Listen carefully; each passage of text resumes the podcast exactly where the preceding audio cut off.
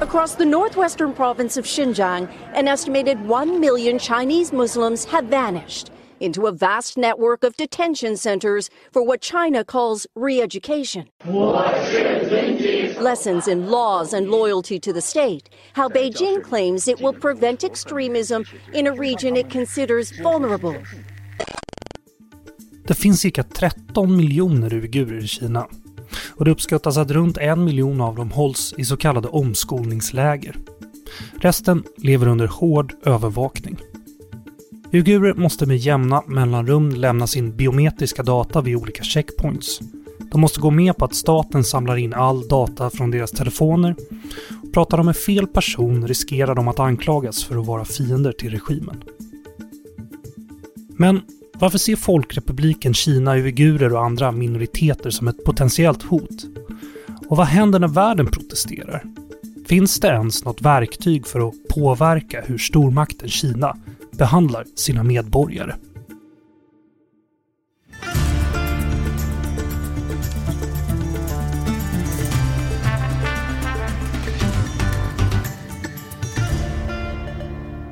Det här är Utrikespolitiska institutets podd Utblick och jag heter Jonas Lövenberg.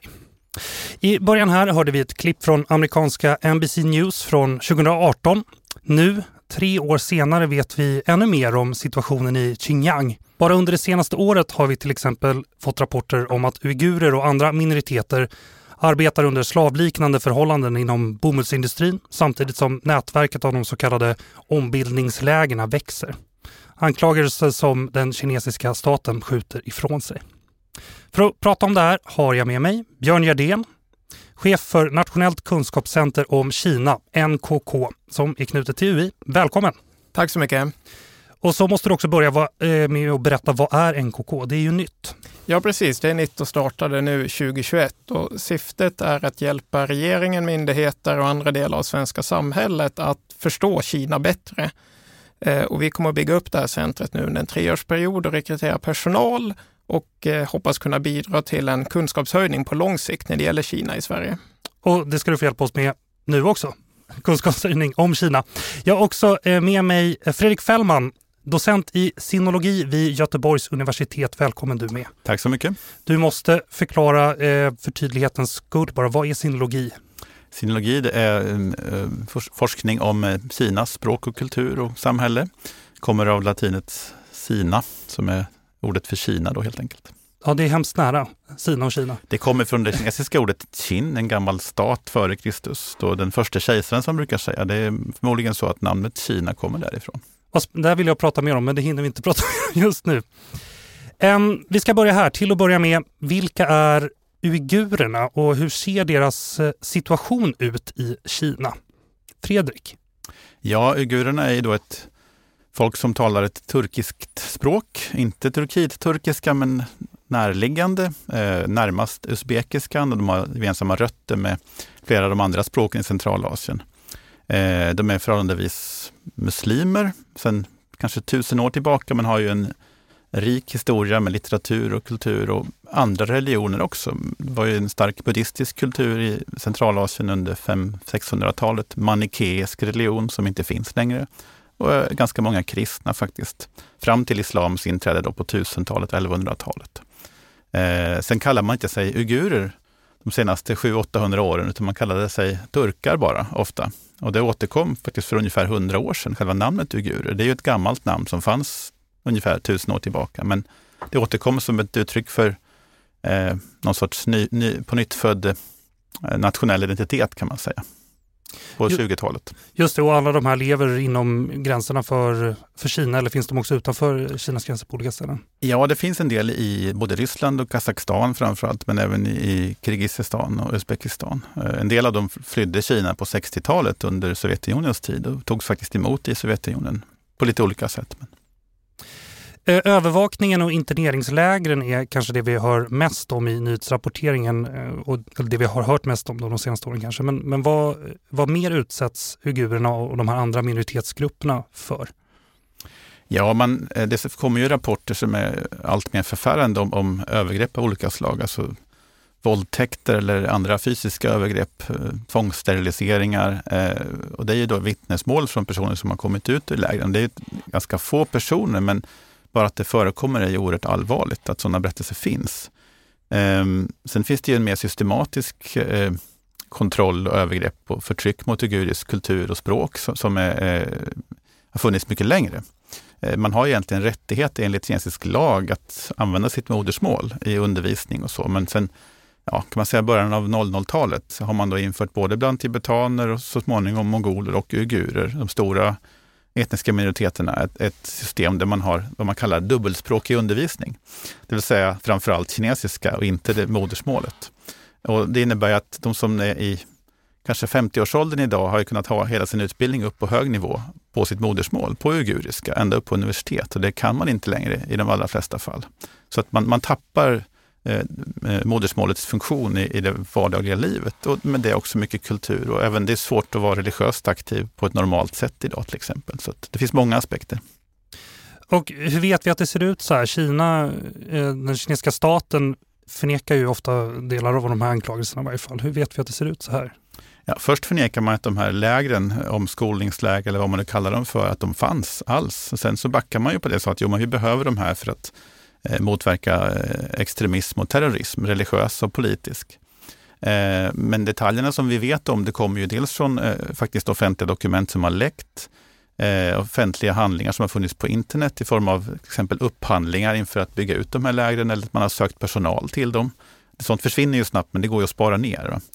Eh, digitala kopior. Eh, sen finns det naturligtvis vittnesmålen eh, som har samlats av forskare utomlands i databaser som, som är väl tillgängliga.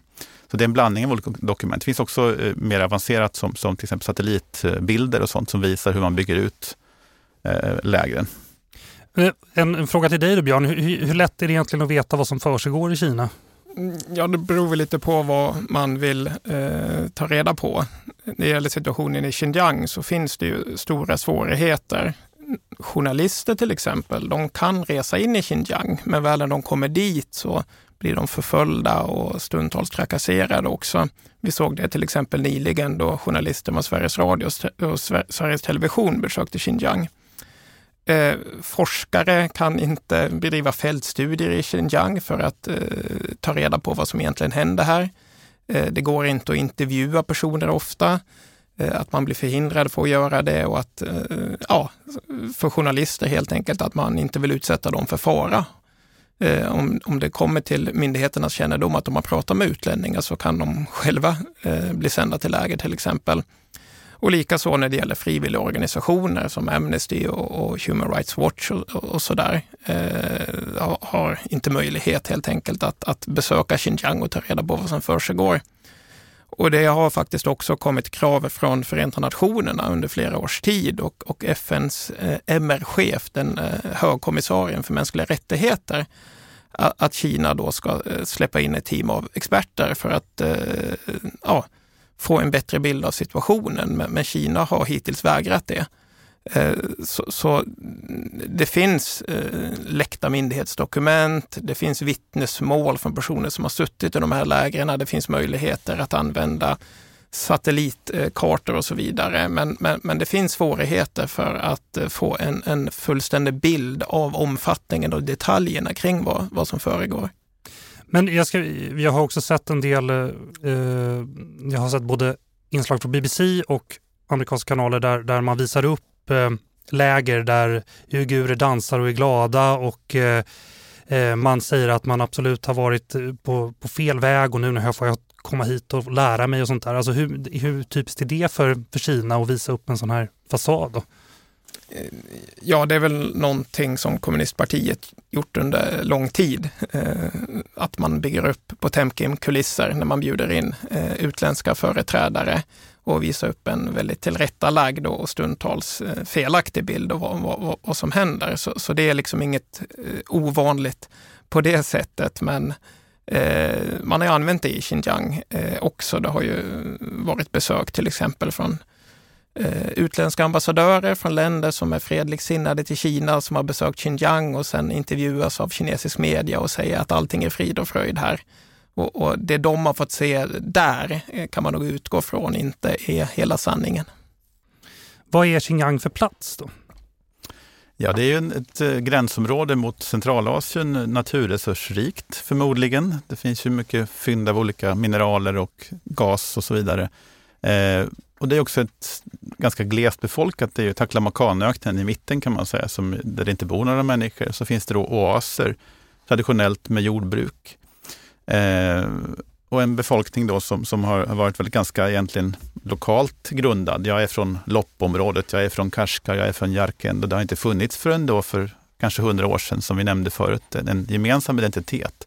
Men det är också så att man ska komma ihåg att Xinjiang är ju en plats som då först på 1700-talet så att säga, togs över och kontrollerades av kinesiska centralmakten, då i form av kejsarmakten, Qing-dynastin. Sedan dess har det funnits spänningar, så det är inte något nytt som bara kommunistpartiet har orsakat konflikterna mellan uigurer och han-kineser, det är gammalt. Men väldigt olika förtecken kan man säga. Det har blivit mycket extremare de sista tio åren kanske. Men det är en underbar plats att vara på, ska jag säga också. Jag har varit där många gånger och det, det, eh, det är ett gästvänligt och, och fredligt och öppet folk, om man ska säga så.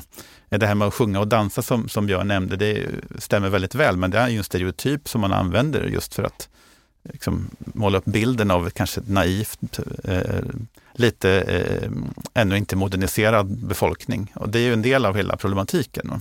Vi handkineser kommer och talar om för er i det här trevliga området hur ni borde vara moderna. Just det.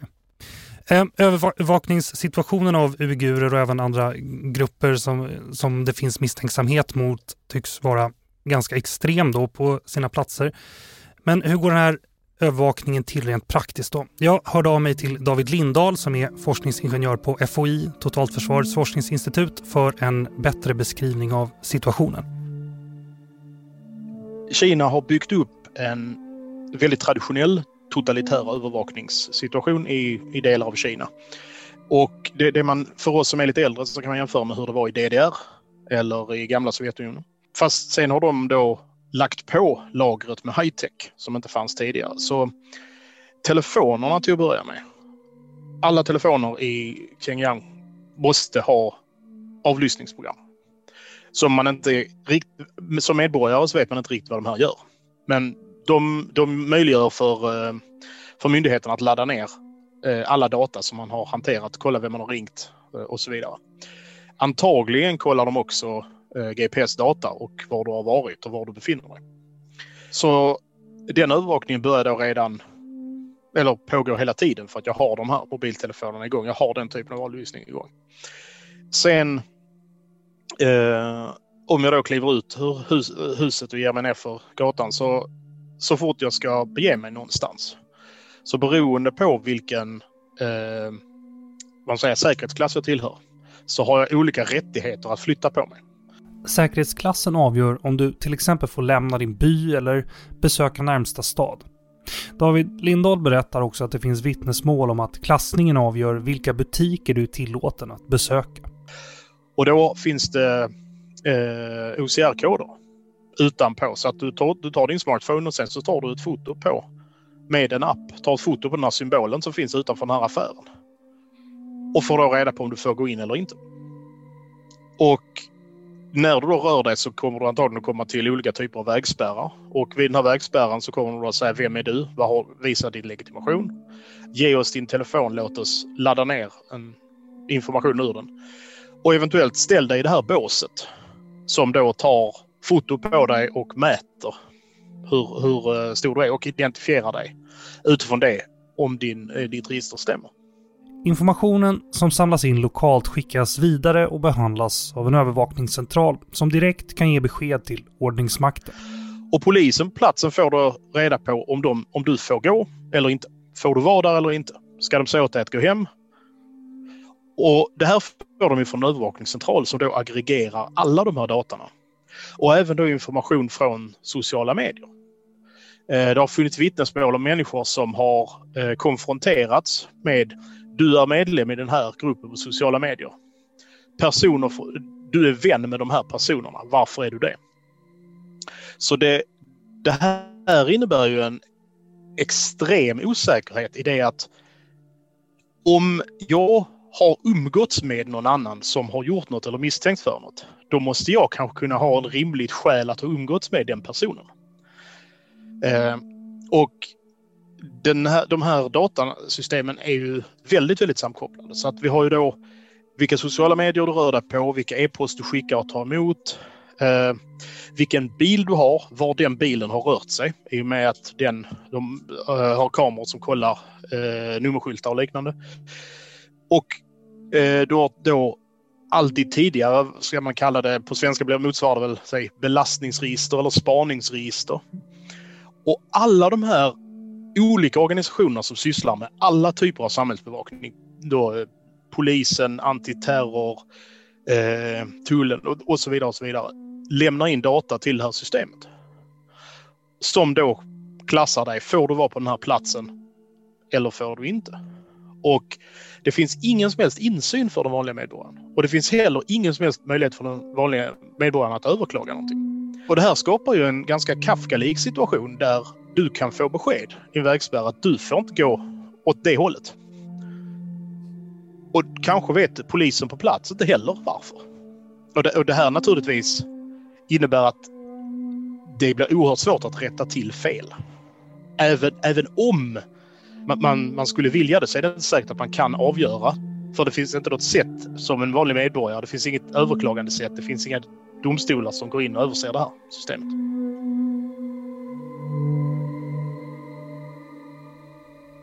Ja, vad säger ni om det här?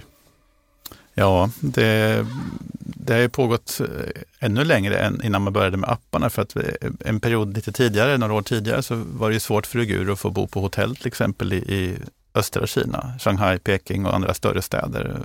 Misstänksamheten har ju funnits längre än, än apparna så att säga har funnits internt inom Xinjiang. Så att den typen av skiktning av personer och, och grupperingar har ju funnits längre. Det har det.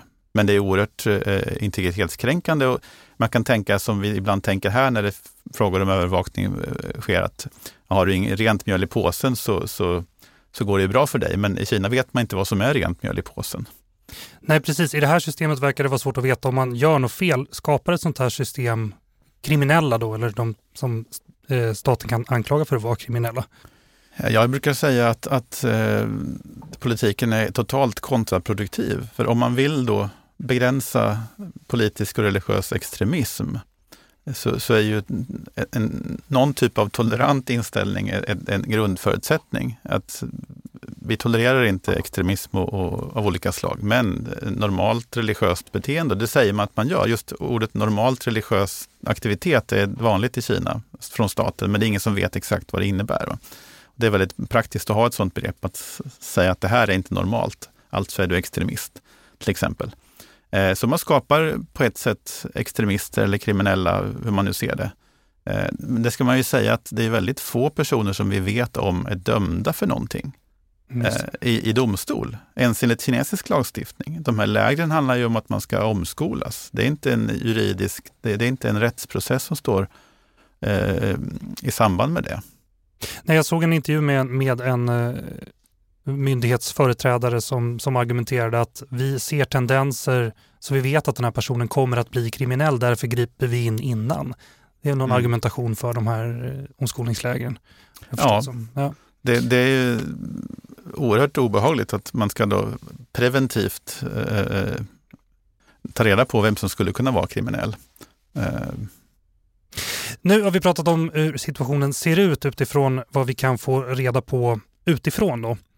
Men hur förklarar kinesiska staten det som pågår? Fredrik? Ja, man vill eh, på samma sätt som man har gjort i, War on Terror, kriget mot terror sedan 11 eh, september 2001, vilket ju är en, en sorts vändpunkt i, i, utvecklingen även i Kina och i Xinjiang särskilt. Att man då fick en, en, en naturlig orsak att gripa in hårdare. det har ju funnits konflikter och problem tidigare. Men nu, nu kunde man ju använda terroristkortet så att säga. Och man fick ju också stöd av USA och så småningom också hela FN-systemet som satte upp uiguriska eh, grupperingar på terrorlistan. Eh, med, med, stöd av USA framför allt. Eh, och där blir det ju problematiskt för att det finns ju helt klart ett legitimt behov av att stävja terror, även i Xinjiang. Det finns uiguriska terrorister naturligtvis som har stridit i, med talibanerna, med al-Qaida i i Syrien och så vidare och finns fortfarande. Men, men proportionerna en miljon eller mer människor i omskolningsläger till några hundra, några tusen eh, aktiva terrorister. Det, det är ju ett enormt gap däremellan. Men, men det är ofta argumentation. Ni gör ju likadant. Ni är också emot terrorister i västvärlden. Ni har era eh, sanktioner och era typer av, av eh, aktioner mot terrorism. Och vi gör på det här viset. Det är effektivt. Just det, och det, det, är väl så att det har förekommit några terrorhandlingar inom Kina från uiguriska grupper, eller hur? Det har det gjort. Det var ett, ett känt fall är väl kanske knivattacken på tågstationen i Kunming i Yunnan-provinsen för ett, några år sedan. Sex, sju år sedan är det väl nu. Eh, där det dog ganska tiotals människor. Eh, brutal attack, men exakt vad som hände och vad som var orsaken vet vi ju inte. Och flera fall där man pekar ut terrorhändelser har vi bara den kinesiska sidan, eller nästan alla fall. Eh, och i en del fall så verkar det ju utifrån det man kan se som att det kanske är så att säga, vanliga kriminella eller droghandel eller eh, familjekonflikter eller vad det nu kan vara. Men och varför finns det här behovet då att kontrollera uigurer och eh, ha sån total kontroll över Xinjiang? Ja, det är ju ett, ett, eh, ett behov som man har haft sedan länge att ha stabilitet i landet primärt. Stabiliteten, alltså kommunistpartiets eh, eh, ensamma makt som jag nämnde, eh, Eh, den totala kontrollen. Eh, bara man gör som partiet säger så, så, så blir det bra. så att säga. Det, det, det behov av någon sorts enhetstänkande. Det, det kopplas ju tyvärr ibland ihop med liksom, han-kinesisk kulturell identitet. Och då blir det ju extra farligt eller problematiskt. att man det, det, det centrala i att vara folkrepublik kines är att vara kinesisk, även om du är uigur eller tibetan eller mongol så att säga. Eh, och därför vill man då ha dels kontroll, det ska vara lugnt och stabilt för den ekonomiska utvecklingen. Eh, och man ska lyssna på vad partiet säger, vara lojal. Berätta vad en han-kines är också för lyssnaren. Det är ju den kinesiska majoritetsbefolkningen som pratar ja. språket kinesiska som vi kallar det för. De kallas för han-folket. Kina är ju eh, en mångetnisk statsbildning också, även om eh, han-kineser ut, utgör en stor majoritet av befolkningen så finns det ju många, många miljoner kineser som tillhör minoritetsgrupper. Och stora landområden av Kina har traditionellt varit bebodda främst av minoritetsgrupper. Uigurer, mongoler, tibetaner, koreaner och så vidare. Så från den centrala statsmaktens perspektiv i Peking så har det under lång tid, även innan Folkrepubliken bildades, funnits en oro för att det här ska kunna splittra landet och en vilja också att stärka centralmaktens grepp över de här eh, landområdena som bebos av eh, uigurer. Så det finns ju en sån längre historisk tradition också som kan hjälpa till att förklara den politik som man idag för i Xinjiang. Just det, och vi ska väl komma ihåg att den, det vi kallar minoriteter i Kina är oftast många fler än vad det finns svenskar, eller hur? Ja, Kina har ju en miljard 400 miljoner invånare, så ja. 6 procent är minoriteter så blir det rätt många. Just det. Um, jag ska också fråga, finns det några tydliga ekonomiska motiv som har framkommit för, för att motivera den här kontrollen? Fredrik? Ja, det finns ju naturligtvis naturresurser i, i Xinjiang och det finns ju också Belt and Road Initiative, eller den nya sidenvägen på svenska, som ju är ett gigantiskt projekt både till lands och till sjöss. Och det går ju naturligtvis genom Xinjiang och in i Centralasien. Det finns ju både järnväg och, och, och vägförbindelser där som, som, är intressant. Och det ska inte vara några störningar i det flödet som faktiskt redan finns. Även till Sverige med tågtransporter till exempel. Flera svenska företag, Volvo och andra, eh, använder ju det här systemet redan. Även om inte Sverige som stat har gått med i, i själva Belt and Road-samarbetet så, så svenska företag är involverade. Och det, det är ju en viktig aspekt naturligtvis. Va, Björn, har du något att säga? Belt and Road, vad, tror du det spelar någon roll för det här? Ja, jag tror det spelar in, men jag tror inte att det är grundorsaken eh, kanske. Eh, utan vi kan ju också se Kinas politik mot Tibet eh, till exempel, som ju är ett väldigt fattigt område i Kina. Så, så, jag tror mer det handlar om, om politisk kontroll snarare än de ekonomiska incitament som kan finnas för att kontrollera de här regionerna. En sak som, som jag funderade på när jag satt och läste om det här är, använder man eh, sig då kanske både Tibet då, men också Xinjiang för att visa att det här är vi kapabla över? Håller man resten av landet i schack genom att ha eh, sådana här områden? Eller finns det något sånt, någon sån tanke tror ni? Ja, det får jag nog fundera lite på, men det man kan säga är att eh, det har ju funnits en oro också att eh, illasinnade krafter utanför Kina ska utnyttja de här spänningarna som finns i Tibet, i Xinjiang och i andra områden för att försöka komma åt kommunistpartiet på det sättet. Va? Och det ser man ju ofta i propagandan idag också att det som händer i, i Xinjiang, om man då säger att terrorister och andra liksom understöds av utländska krafter och även i Tibet och Hongkong.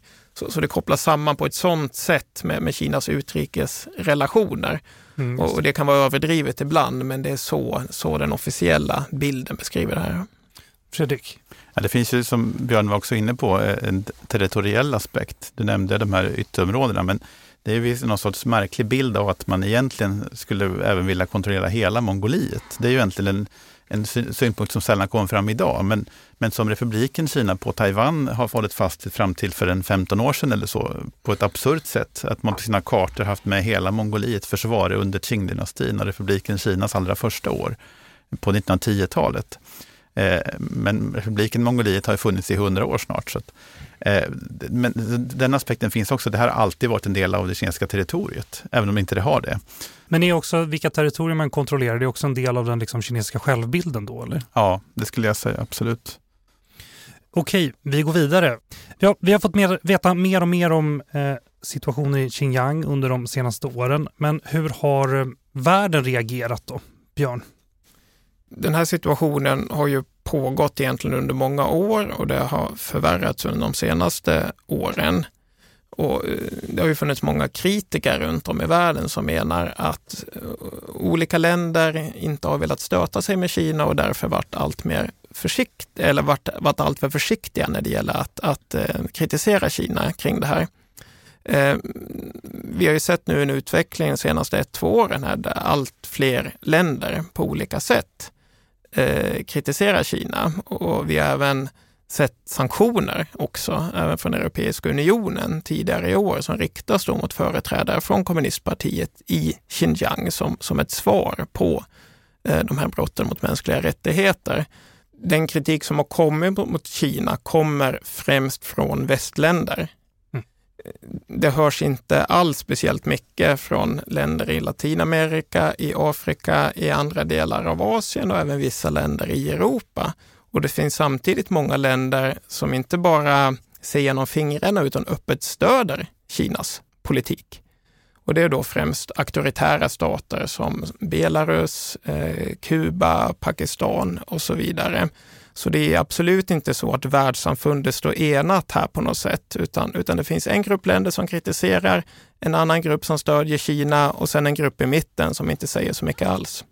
Men okej, okay, då tänker jag direkt på till exempel Kina investerar väl mycket i Afrika till exempel. Beror det på, är det, det ett skäl till varför kanske afrikanska stater inte protesterar då för att eh, de har Eh, för ett stort behov av att ha en god relation till Kina? Finns det sådana problem? Eller? Ekonomiskt och politiskt beroende av Kina är ett skäl. Sen är det så att många av de här länderna har ett eget kolonialt förflutet och eh, attraheras av Kinas syn att man inte ska eh, kritisera andra länders inre angelägenheter det har en eh, stor resonans i många länder, det synsättet. Så det är inte bara beroendet, det finns också en viss samsyn mellan Kina och många länder, främst auktoritära länder, men inte bara. Att det som händer i ett land får stå för det landet och vi andra ska inte lägga oss i. Ja, det tror jag är en viktig poäng Björn, det här med, med att inte lägga sig i interna angelägenheter. Och det kanske tror jag gäller också muslimska stater.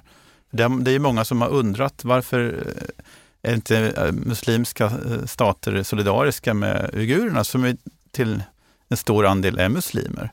Eh, och det finns ju nästan inget exempel på att någon islamisk organisation har uttalat sig.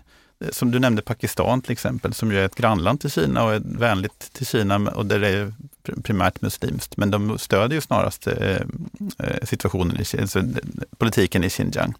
Ehm, och det, det är en oerhört märklig situation faktiskt. Turkiet till exempel är också mycket intressant. Erdogans tidiga period som, som ledare i Turkiet, då var man oerhört pro-ugurisk och stöttade uigurerna. Sen tecknade man en del avtal med Kina om eh, säkerhetsfrågor eh, och idag eh, stöder man Kinas politik eh, bland uigurerna. och alltså då eh, inte solidarisk längre med sina turkisktalande eh, islamiska systrar och bröder bland uigurerna. Så det, är en, det visar ju bara att den, den typen av solidaritet av sådana grunder finns inte, utan det är enbart ekonomisk-politiska eh, aspekter som styr. Eh, jag tänkte fråga det här lite längre fram, men jag ställer en fråga nu istället. Är det, är det andra staters angelägenhet att lägga sig i vad som händer innanför Kinas gränser då? Det beror ju på vad det handlar om skulle jag säga. Eh, det kanske är ett dåligt svar, men Ja, då alltså, pratar vi om det här då. Ja, nej, men det, det, det är ju en fråga, klart att Sverige blir inte glada om, om andra stater kritiserar oss, men vi, vi, vi får ju ganska mycket kritik för att vi är ganska öppna och transparenta med allt som händer här. Vi rapporterar problem, eh, eh, våld i samhället till exempel. Det, vi har en hög frekvens av, av, rapportering om sånt som inte alla har och därför får vi en del kritik från internationella organisationer och det får vi leva med. Att vi har ett öppet samhälle som då får kritik. Eh, och det tycker ju Kina framförallt är ju inte rimligt, att så ska det inte vara. Vi sköter vårt eget. Så lägger vi sig inte i. Men de gör ju tvärtom själva. De lägger sig i vad som händer här hela tiden och kräver yttrandefrihet i Sverige, ambassadören till exempel. Mm. Eh, och framförallt så har ju Kina skrivit under eh, internationella överenskommelser som då förväntas implementeras i Kina. Och de är ratificerade och så vidare eh, på en mängd olika områden. Eh, och där, och andra, man, man har samarbete inom WTO till exempel, där Kina är medlem sedan 20 år tillbaka. Och där struntar man ju i de förelägganden och kritik man har fått inom WTO och bara fortsätter. Eh, så det finns en mängd problem med den typen av, av uttalanden. Man kan lägga till också att FNs deklaration om mänskliga rättigheter tillskriver alla individer runt om i världen rättigheter oberoende vart de bor någonstans. Så att påpeka människorättsbrott i en stat oavsett var de eh, begås någonstans, om de begås i Sverige eller USA eller Kina. Så utifrån det synsättet ska man inte se det här som en kritik specifikt mot kinesiska staten, utan ett sätt att uppmärksamma och försvara mänskliga rättigheter. Och de flesta demokratiska länder, i alla fall på pappret, skriver ju under på det synsättet.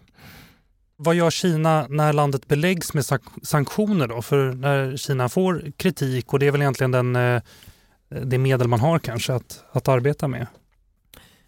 Situationen i Xinjiang har kommit att uppmärksammas allt mer de senaste åren. Under samma period har vi sett stora förändringar i Kinas relationer med framförallt USA där Donald Trump som president och hans regering intog en helt ny linje mot Kina. Så från Kinas perspektiv så ser man det som ett sätt för USA att försöka skada Kina och hålla tillbaka Kina och dämma upp Kinas framväxt som en stormakt. Så när andra länder då, USA, Sverige, EU och så vidare, tar upp eh, frågan om Xinjiang då ser kinesiska myndigheter det som ett svepskäl. Man ser det här som ett sätt för USA och dess allierade att komma åt och skada Kina. Så den kinesiska regeringen uppfattar inte det här som en människorättsfråga, utan som en slags maktkamp. Eh, så när man mottar kritik så eh, slår man tillbaka rätt hårt, bland annat med sanktioner nu nyligen mot eh, europeiska politiker och andra. Och dig till exempel? och mig också, även forskare och eh, civilsamhällesorganisationer som jobbar med demokrati och liknande frågor. Eh, så den kinesiska staten gör ingen tydlig åtskillnad heller om kritiken kommer från en stat eller om den kommer från en enskild journalist eller forskare. Utan man behandlar all kritik på ett likartat sätt. Efter att EU införde sanktioner mot Kina tidigare i år så svarade Kina med att införa sanktioner mot europeiska politiker och även forskare där jag själv ingick. Så jag är belagd med sanktioner nu och kan bland annat inte besöka Kina, vilket är jättetråkigt. Ja, jag förstår, du har fått prata om det på andra ställen ska jag säga, så leta upp Björns eh, intervjusvar. Eh, det är inte det vi ska avhandla här, men det är ju förstås viktigt att ha med. Hur ska andra stater förhålla sig till Kinas mothugg då, till exempel som de här sanktionerna? Kina vill ju visa omvärlden att det kommer att innebära höga kostnader för er om ni fortsätter att kritisera Kina. Och det inbegriper ju inte enbart länder utan också företag. Vi har ju sett det nu med H&M till exempel som har utsatts för en bojkott, en konsumentbojkott i Kina som är dirigerad från kommunistpartiet eftersom H&M har förbundit sig att inte använda bomull från Xinjiang-regionen eftersom de befarar att, eh, att det kan ha funnits tvångsarbete i de här processerna. Eh, så det kommunistpartiet vill signalera är att oavsett om du är en stat, en forskare, en journalist eller ett företag, om ni använder den här frågan för att kritisera Kina så kommer det att kosta er. Har du något att säga om det Fredrik? Ja, nej, jag tänker just som, som, som forskare då primärt att man, man har, det är ju ett hot mot den akademiska friheten. Man eh, kan inte syssla med vilken forskning man vill, så att säga, om man vill hålla sig väl med Kina eller kunna få visum dit. Och det hämmar ju naturligtvis vad man kan göra. Vi kan sitta här hemma i Sverige eller i Europa eller i USA och forska ändå. Men då är man ju tillbaka till en, en period som det var under, fram till Mao Zedongs död, där till exempel amerikaner hade väldigt svårt att komma till Kina överhuvudtaget. Eh, vilket ju naturligtvis påverkade hur man forskade på alla möjliga sätt. Eh, så det, det, är ju ett, ett allvarligt eh, typ av hot skulle jag säga. Eh, sen kanske jag tror att Kina mer går på det man säger i media än det man gör i en akademisk artikel eller en bok. Eh, om inte den specifikt eh, eh, undersöker just eh, kanske övergreppen i Xinjiang då eller så. Eh, utan det är mer det, det som kommer i media än det akademiska i sig. Okej, är det alltså besvärligare för Kina att, ha, Eh, att framstå i dålig dager än eh, i media och i liksom den allmänna uppfattningen om Kina än att någon på någon institution någonstans lyckas ta reda på hur illa det faktiskt ligger till med vissa saker. Ibland kan det vara så. Jag tror att alltså, saklig kritik är samtidigt det som biter bäst. Eh, och det kan man nästan se om man tittar på uttalanden i media till exempel från forskare och andra experter.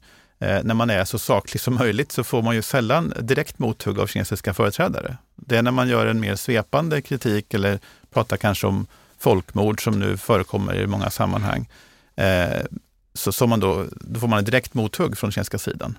Eh, sen tror jag att en, en saklig kritik som är stenhård mot eh, det, det, som, det som sker, den, den, får ju naturligtvis också mothugg så småningom. Men, men, men eh, det är skillnad där mot den allmänna opinionskritiken och den strikt sakliga kritiken. Ja, vi har sett en utveckling också eh, de senaste åren där Kina allt mer öppet eh, kritiserar forskare, journalister och andra.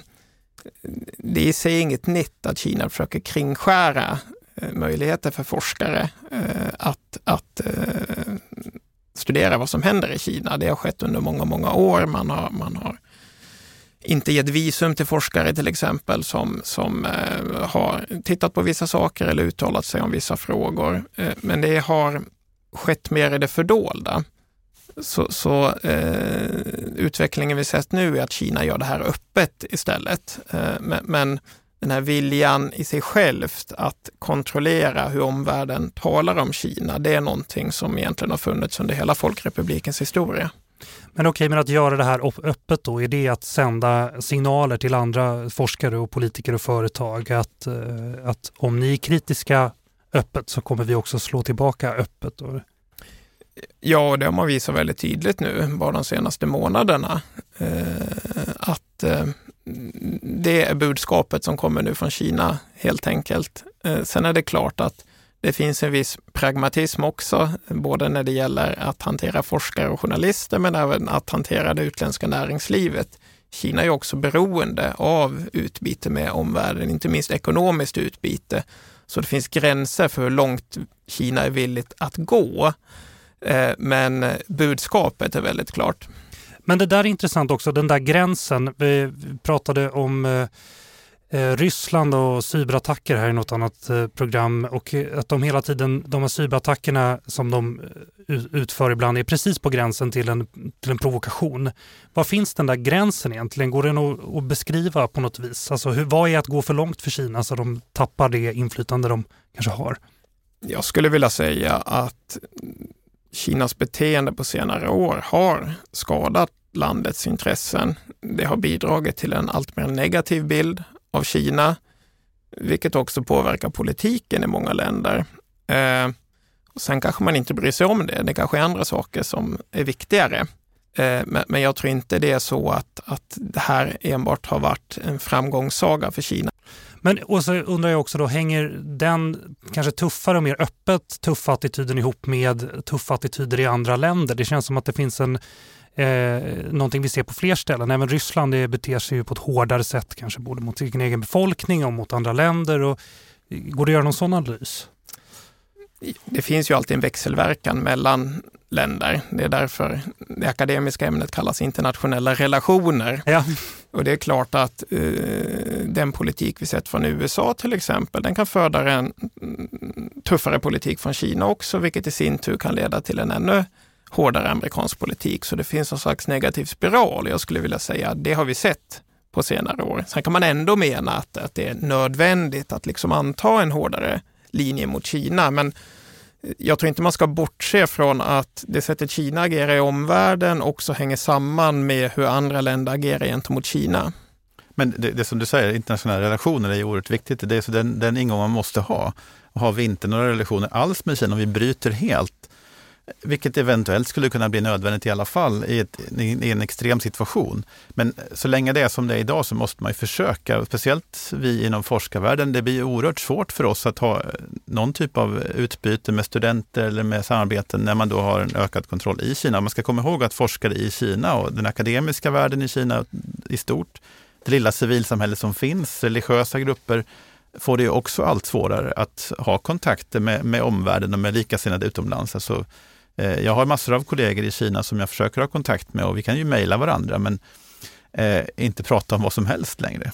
Eh, för alla, alla, all, allting är underförstått. Eh, vi vet ungefär vad vi kan, hur vi rör oss när vi diskuterar öppna saker. Eh, och det är svårt att besöka. Så den aspekten får man inte glömma, att det, det finns ju ett, ett, en normal relations... Eh, det finns en normal kontakt med kinesiska forskare, civilsamhälle, religiösa etc. etc. Eh, som måste kunna fortsätta. Och det är ett av de största förlusterna i en sån här eh, situation vi har just nu, att man tappar den kontakten som visar att kineser är ändå vanliga människor som, som vilka andra. Det är inte bara det här eh, totalitära eh, enpartistaten. Man behöver heller inte alltid hålla med varandra, men man kan lyssna på motparten och skapa sig en bättre förståelse. Precis. Eh, och eh, när vi har ett politiskt läge som går allt mer mot konfrontation så är det extra viktigt att hålla uppe, öppna eh, kanaler eh, inom andra sektorer, eh, civilsamhället, forskare och så vidare. Så, så det är olyckligt också utifrån det perspektivet att man stryper den typen av möjligheter. Åter till uigurerna här. Ehm, finns det något realistiskt sätt för världssamfundet att bistå uigurerna och andra minoriteter i Kina. Det är klart att det är svårt att konkret göra saker i den situation, de, de som sitter i läger, det är svårt att, att, på något sätt förändra det. Man vet ju sedan Sovjetunionens tid att det har haft positiva effekter om man har skrivit massor av brev eller uppmärksammat enskilda individer som man vet om faktiskt är i en viss situation. Men vi vet så lite om exakt vilka personer. Vi vet att personer har försvunnit Eh, det finns långa listor på namn, personer som inte någon vet var de är någonstans. Är de i fängelse, i läger eller var är de någonstans? Så då är det svårt att göra den typen av aktioner. Det är ju en, en liten sak som civilsamhället kan göra. Sen det som stater kan göra är att peka på internationella överenskommelser och säga att eh, vi vill ha kontakt, men vi måste följa gemensamma principer. Det finns en, en, en internationell eh, överenskommelse som gäller om alla möjliga saker, handel, mänskliga rättigheter och vi kan inte ha ett samarbete om vi inte följer de här. Eh, det är ju ganska, alltså Björn var ju inne på det här med, med FNs försök att då komma med en undersökningsgrupp till, till Xinjiang som då har stoppats hittills. Eh, och det är ju ett, ett försök så att säga, men skapa opinion och det, på olika sätt. Har du något att säga om det här Björn? Hur påverkar man Kina? Vad har vi för verktyg? Ja, EU har ju fått nya verktyg när det gäller de så kallade Magnitsky-sanktionerna till exempel. Och från EUs perspektiv är det ju ett försök att få den kinesiska staten att ändra sitt beteende. Man straffar inte individer och organisationer för sakens skull, va? utan målet här är ju att Kina ska ändra sin politik. Sen får vi se om det kan ha någon verkan, men det finns också den typen av ja, piskor i tillägg till, till eh, morötter som eh, EU, USA och andra försöker använda sig av. Men vi får se vad det har för effekt helt enkelt. Ja, hittills har ju inte Kina eh, ändrat sin politik i grunden egentligen. Eh, men samtidigt så att Kina går ut så hårt och möter den utländska kritiken visar ju att man inte är helt bekväm med den här situationen. Man uppskattar inte att vara föremål för omvärldens kritik. Så det är ju möjligt att det finns någon slags chans där eh, för att Kina kan ändra politiken, samtidigt rädda ansiktet. Eh, jag tror inte det blir så att Kina, kinesiska myndigheter kommer att säga oj då, vi, vi har nog gjort någonting fel här. Va? Eh, men, men eh, vi har sett tidigare i Folkrepublikens historia, det där på, under perioder av omfattande brott mot mänskliga rättigheter, att man ändå har slagit in på en annan linje. Så, så jag tror inte vi ska överge den förhoppningen helt enkelt, att, att det kan bli en ny politik här. Det, och det verkar råda någon typ av prestige i det här då också låter det som. Att, eh, att ta åt sig från kritik eh, rakt av skulle vara att lägga sig och det ingår inte i den kinesiska självbilden antar jag. Nej, det kan ligga någonting i det, det tror jag. Eh, sen handlar det också om, om det jag var lite grann inne på tidigare om det här med, med ja det kanske är självbild också, men, men alltså Kina som stormakt och den här imperialistisk koloniala eh, historien eh, som man gärna tar upp, framförallt från kommunistpartiets sida. Eh, det är svårt att säga vad en annan regering i Kina skulle ha gjort, men, men eh, förmodligen skulle det varit ett, en del av det historiska arvet som man ändå skulle plocka upp och visa att vi, det här är minsann eh, vårt sätt att svara på utvecklingen och ni har också gjort det. Det är mycket sånt, men ni gjorde ju också. Den typen av argumentation är ju tyvärr väldigt vanlig. Eh, men det är, en, det är en del av självbilden att nu gör vi så här och vi, vi har rätt att göra så här för att det är vi som styr. En svårighet också att eh, förmå kommunistpartiet att ändra sin politik är att staten kontrollerar all information inom Kina. Så vanliga kineser har väldigt svårt att bilda en riktig uppfattning om vad som pågår i Xinjiang och kanske köper mycket av den statliga propagandan. Så det är svårt att liksom understödja en kinesisk opinion som mm. kan förmå kommunistpartiet att eh, eh byta linje. Precis, och det har varit mycket, funnits mycket fördomar om, om uigurer bland flera av mina vänner, om man ska vara personlig på det viset, så, som är fantastiska människor som jag har stor respekt för, som ändå har märkliga eh, uppfattningar om hur uigurer skulle kunna vara som personer eller som, som kultur så att säga. Eh, som vi har diskuterat mycket, jag och några vänner. Eh, och, och det, det för, redan för 20 år sedan, mm. före det här som har hänt de sista åren. Och jag tror det är viktigt att påpeka också att de fördomar som finns i Kina mot uigurer och andra minoriteter, det är ju inget som är unikt med Kina. Nej. Eh, utan det finns ju runt om i världen. Det finns koloniala arv, arv det finns fördomar och rasism mot minoriteter även här i Sverige. Va? Så, så, jag tror också att det är viktigt att föra fram det budskapet i de kontakter man kan ha med kinesiska motparter, att det här är ett generellt problem och vi uppmärksammar nu det här ärendet, men det är inte för att vi vill kritisera Kina, utan det är för det rör en fråga om universella mänskliga rättigheter. Avslutningsvis, hur ser det framtiden ut? Kommer situationen för uigurer och andra minoriteter i Kina bli fortsatt svårare eller kan vi hoppas på att det blir bättre? Och kommer Kina någonsin då lyssna på omvärldens kritik? Det vi egentligen har varit inne på här. Om man kommer att lyssna på kritiken, ja det gör man säkert. Eh, men det är svårt att veta hur reaktionen blir och, när det blir en reaktion så att säga. Eh, och det är klart att man kommer inte att ha en, en antiterrorismkampanj som pågår i all oändlighet och, och folk i omskolningsläget. Det kommer att ske så småningom så att nu är alla ute ur lägren. Det har man ju sagt på lite olika sätt att de är redan. Men de har nu fått arbete och de är glada och lyckliga och dansar och sjunger igen, man, om man ska alludera på det. Eh, vi kommer att se mer av det. Eh, så småningom kommer det säkert att öppnas upp mer. Och det är ungefär som skedde efter 1989-massakern. Det tog en tre, fyra år innan sanktionerna var hävda mot Kina och kommersen och turismen var igång som vanligt igen. Eh, jag förutspår något liknande i Xinjiang. Vad tror du Björn? Ja, det som händer i Xinjiang hänger ju också samman med den generella politiska utvecklingen i Kina de senaste tio åren ungefär, som har gått i en allt mer auktoritär riktning. Så jag tror också den utvecklingen kommer att påverka politiken i Xinjiang och i dagsläget finns det inget som tyder på egentligen att Kina kommer att ta två steg tillbaka och börja liberalisera lite mer som man har gjort under tidigare perioder. Men, men det betyder inte att en sån tid inte kommer att komma. Eh, så jag tror inte man ska utgå från att den här väldigt auktoritära inriktningen under Xi Jinping nödvändigtvis kommer att pågå i flera decennier till. Va? Eh, men men eh, idag ser det inte jätteljust ut. Björn Gerdén, chef för Nationellt kunskapscentrum om Kina. Fredrik Fällman, docent i sinologi vid Göteborgs universitet. Kul att ha er här. Tack för att ni kom. Tack så mycket. Tack så mycket Jonas. Du har lyssnat på Utblick, Utrikespolitiska institutets podd. Glöm inte att klicka på prenumerera-knappen i appen där du lyssnar på oss. Om du vill fördjupa dig i övervakningssituationen i Xinjiang så har David Lindahl satt ihop en lista med lästips åt oss vilket också är litteraturen han baserat sina svar på i inslaget. Och den listan hittar du där du hittar avsnittet av Utblick på ui.se. Och vill du läsa mer om institutets forskning och omvärldsbevakning så hittar du även det på ui.se. Tekniken sköttes av Kristoffer Fabes. Vår vignett har komponerats av Frid and Frid. Jag heter Jonas Lövenberg. På återhörande.